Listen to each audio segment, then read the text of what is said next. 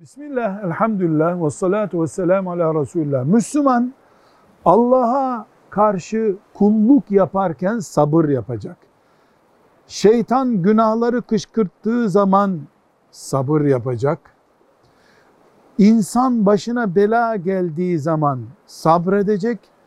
İnsan nimetler bolluğu içindeyken azmayacak, sabredecek yalnız kalınca yalnızlığın verdiği kaosa sabredecek, toplum içindeyken şımarmayacak, sabredecek. Dolayısıyla sabır aldığımız nefes gibidir.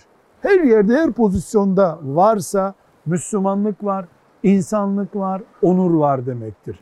Velhamdülillahi Rabbil Alemin.